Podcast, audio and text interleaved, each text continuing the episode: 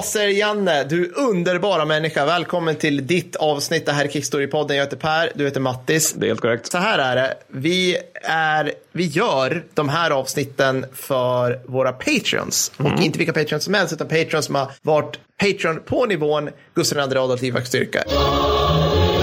I minst fem månader, Mattis. Sex månader, halvår, Sex halvår. månader. Halvår, tack såklart. Det var ju logiskt. Ja. Hur många månader är det på ett år? Ingen kan veta det här. I varje fall, nu har turen kommit till dig, Lars-Janne, och du har världens bästa nickname. Vi vet inte vad du heter. Nej, vi, vi, vi hoppas få träffa dig någon gång. och du är ju lite från vettet, för du Mm. vill ju då, vad, vad ville han veta Mattis? Eh, han vill veta varför Mao vann makten i Kina under kinesiska inbördeskrigen. Just det, det här lilla, lilla kinesiska, hur länge höll det på? Alltså det ungefär? här är ju, vi, vi har ju liksom inte, alltså det är så, jä- vi hinner ju inte med det här egentligen. Men alltså det är grovt räknat, och nu säger jag grovt räknat, så är det tre faser då. China has been generous. Första är kriget mellan kommunisterna och nationalisterna, vilket är 1927 till 1937. Ja. Sen den andra fasen är kinesisk-japanska, eller andra kinesisk-japanska kriget då, vilket är 1937 till 1945. Och sen så är det den tredje som är liksom kommunisterna vinner-fasen och det är 1946 till 1949. Och det, alltså innan allt det här så har de liksom så här en grej som i böckerna kallas för typ så här the time of the warlords eller något åt det hållet. Så det, är liksom, det är så jävla komplext. Och det här är på en yta som är dubbelt så stor som Europa, som innehåller 600 miljoner människor i den här tiden. Så det, det är jätte, jättekomplext. Jättekomplext. Så- Men vi ska göra vårt bästa, Lars och Janne. Absolut, vi har, vi, vi har redan dragit över tiden. Vi, vi skulle Ja, ja, egentligen ja, bara ja. börjat prata. Men, ja, det struntar jag i Lars gärna. Men om du som lyssnar nu vill ställa sådana här outrageous demands på mig och Mattis och prata i alldeles för kort stund om alldeles för komplicerade områden, då ska du gå in och bli Patreon på just den här nivån. Och vi har nyligen beroende på när du lyssnar på det här, gjort det ännu mer sweet att bli en av Konrads lakejer i den här lilla kulten, Mattis, som vi håller på och bygger. Mm. Vi har nämligen, dels får ni rabatter och sådär, men det är därför, det, det, bara, det bara ska ni ha. Det tänker jag inte ens ta upp, men ni får en del rabatter. Ja, så, vet det. Mm. Ja, ja. Vi ska ha någonting som heter Tersenfesten. Mattis, vad var Tersen för någonting? Det var Sankt Konrads eh, man cave under första världskriget. Han hade några innan, i typ Neusandets och eh, Premierschulin. Men, men sen så det var liksom den, den han till slut liksom settled down in. Så han, han och ärkehertig Friedrich satt där och byggde kojor till Friedrichs barnbarn. Och sen bombsäkra förut. Under brinnande första världskriget. Ja, det är helt korrekt.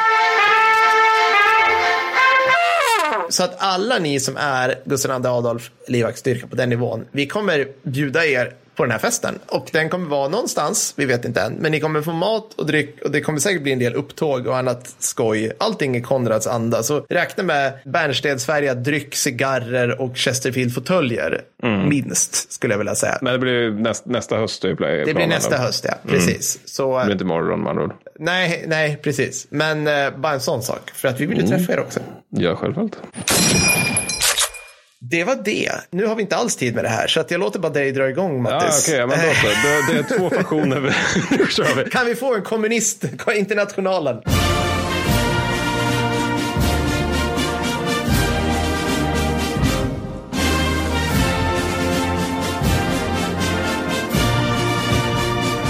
Tack. Yes. Det är två faktioner i det här kriget, då, två stora i alla fall. Den första är nationalisterna som leds av Chiang Kai-shek och han är även den som styr Kina. Under i varje fall, ja skitsamma. Sen den andra faktionen är kommunisterna som styrs efter ett tag av Mao Zedong. Och eh, nationalisterna är överlägsna i både numerär och resurser och då är då den stora frågan varför vinner likväl kommunisterna? Och då finns det, alltså det här kommer inte bli en kronologisk genomgång genom det här kriget för det går inte, eller liksom vi har inte tid med det. Utan så, tematiserat jag det, tema, tematiserade jag det hela lite grann. Så vi börjar med, liksom med politiken. Liksom, Politiken är ju trots allt det som är kriget fast med andra Precis, medel. Eller precis. tvärtom snarare. Men det blir lite explosion i det här avsnittet. Ja, det blir det. det, blir, men det, det, Ja, vad bra, det, vad det kommer det bli. Nej, men absolut. loss. Men, vi börjar med politiken, högsta sfären. Liksom. För då har vi det här med att kommunisterna, de, de, kan, de kan ju prata om hur bra det ska bli sen. Just det. När de ska liksom rekrytera, när de ska få kineserna att tycka att det kan vara en skön idé med farbror Mao. Liksom. Ja. Då kan de alltid säga, jo men alltså imorgon på andra sidan kullen så finns det en fantastisk framtid där ni får sockervadd till efterrätt varje dag. Och Mm. de dessutom utlovar och genomför någonting som typ alla kinesiska bönder och alla bönder, eller alla kineser är bönder under den här tiden mer eller mindre. Någonting alla de vill ha, det vill säga jordbruksreformer. Just det. Och, och det här är liksom en grej i alla de här röda mot vita krigen under 1900-talet. Det är att den ena sidan kan alltid utlova framtiden. Medan Mm. den andra sidan kan mest utlova, vi har haft en ordning som har varit i tusentals år. Den har gynnat oss väldigt mycket och er lite mindre, mindre mycket, ni kära Ja. stora otvättade massa. Ja. Vi vill behålla den. Och det är en nackdel här. Va? För det innebär att det nationalisterna kan göra rent politiskt, det, är, det mesta de kan syssla med, det är egentligen generellt vanstyre. Så de har liksom hyperinflation mot slutet av andra världskriget. De retirerar väldigt mycket, medan kommunisterna åtminstone kan påstå att de slåss. De har jättemånga PR-katastrofer. Den största är den, eh, när de översvämmar Gula floden då, 1938 för att hejda japanerna, vilket kostar upp till 900 000 människor livet, vilket är jättemycket människor. Jättemycket och ytterligare 3 miljoner blir flyktingar. Jag, jag måste bara skjuta in det där att det är ju hysteriskt kul att från 37, 36 till och med 45 så Mm. har man liksom, man, då har man sprängt in den här lilla japanska distraktionen. Som är liksom... Ja, alltså Chiang Kai-shek menar ju på att japanerna är en hudsjukdom, kommunisterna är en cancer. Det är, liksom, men det, det är Alltså, bara det- inget, det är ingenting vi behöver ta fasta på egentligen. De kommer och gör våld för sig, men vadå, de är bara Östkina. Nej, men sen så är nationalisterna också väldigt, väldigt korrupta och extremt ineffektiva. Och mot, de är liksom, det är så ineffektivt att mot slutet av andra världskriget så överväger USA att stödja Mao för att de, de orkar liksom inte mer av det här. Och sen så Chiang, han har ju liksom inte kontroll över sina arméer till stor del, utan han får ofta liksom så be olika krigsherrar om lov när de Just ska göra grejer. Du Mattis, jag måste bara skjuta in en grej där. Det finns ju en amerikan som aldrig slutar tro på sin vän Chiang Kai. Vem är det Mattis? Ja, det är då fan inte Stillwell, han vill ju avsätta honom. Det är ju såklart MacArthur. Ja, ja förstås. Mannen förstås. med hundraprocentig personkännedom. Som vi ska ta upp i kommande avsnitt. Ja, det ska vi också göra. Just jag ville bara ja, få in det. den. Att han Ja, bara, Chang, Chang är min vän. Nu jävlar. It seems like a reasonable man. Ja, Alltså det andra, andra temat då, det är andra världskriget och det är då att nationalisterna, det är de som faktiskt strider på allvar mot japanerna. I alla fall om man ser till förlustsiffrorna. För nationalisterna, de tappar ungefär tre miljoner man under kriget mot Japan. Kommunisterna kanske en halv miljon där någonstans. Så att, eh, sen så säger ju kommunisterna att det är vi som slåss. Men om man återigen tittar förlusterna så är det tydligt att det är nationalisterna som gör det. Om inte kommunisterna var sanslöst mycket mer effektiva, vilket är svårt att tro. Och nationalisterna, eftersom de strider som en reguljär armé snarare än kommunisternas gerillakrig, så leder det också till att de får ta emot sådana här små gosigheter med Ichigo-offensiven 1944, vilket är alltså den största offensiven i Japans historia.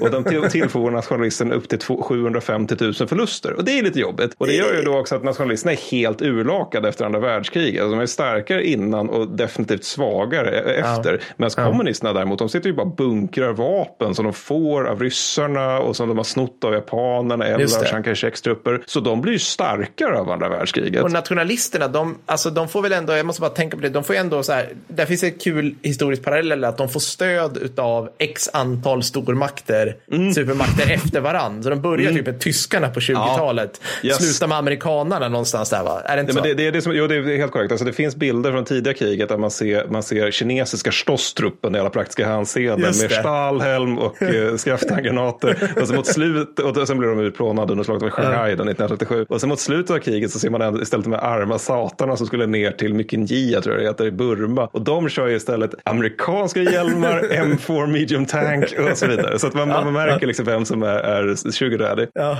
Men sen som nästa tema då, det är det här med inre värden. Det är ju sånt det är lite luddigt och lite Don Carlin-artat sådär. Men det är fortfarande så att Mao är klok till så mått att han strider på landsbygden tillsammans med bönderna. Det vill säga han sysslar med gerillakrig i grund och botten. Han, han väljer när han ska slåss och han växer när han inte strider. Så att han, han kan hela tiden liksom, han kan liksom, vad- säger man det egentligen? Han kan liksom hela tiden hålla sina styrkor relativt intakta och kasta in dem när han känner, känner att han har styrkeläge liksom. Ja, men typ så här, han väljer när striderna ska vara. Han har väl, Exakt alltså, så.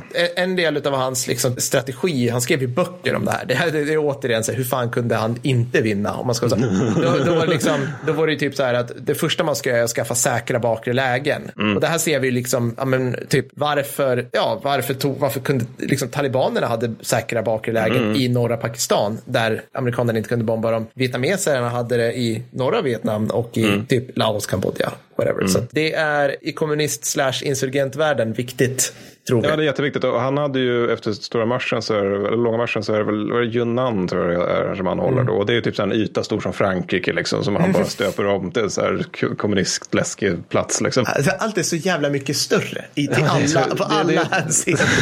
Det är som en fantasyvärld som någon har bara liksom. visst, visst. Ja, men sen så har de generellt bra ledare också, eller framför inte minst bra eh, militära ledare. Alltså de som möter USA under Koreakriget, de är ofta ganska duktiga och de har i regel liksom gått i skola i just eh, kriget mot nationalisterna. Sen har de också mer motiverade soldater av tidigare nämnda skäl, det vill säga med att man kan utlova någon god framtid sådär. Medan nationalisterna, de har spöksoldater, det vill säga precis som Arvin, precis som Ana, det vill säga en division, kan, som är, någonting som är på en division på pappret kan egentligen vara en bataljon Ja. för att officerarna tar alla lönerna liksom, Ja. för de här soldaterna som inte finns i leden. Sen har de en dekadent officerskår och sen har vi då skyttet där det är alltså 10 procent av skyttet kan läsa Mm. och de beskrivs av sina officerare som, jag citerar, utvecklingsstörda idioter, slut citat. När man rekryterar dem då knyter man ihop dem kring halsen med ett rep och sen så tvingar man dem bara gå mot förbanden. Rekryterare, du menar kidnappar Ja, från det är snarare det. typ. Det är Ja. press gang, bokstavligt talat. Och de här stackars människorna då när de är ute och går på landsbygden, där de, man ger inte dem mat och sådär. Så att det var alltså upp till 90 procent kan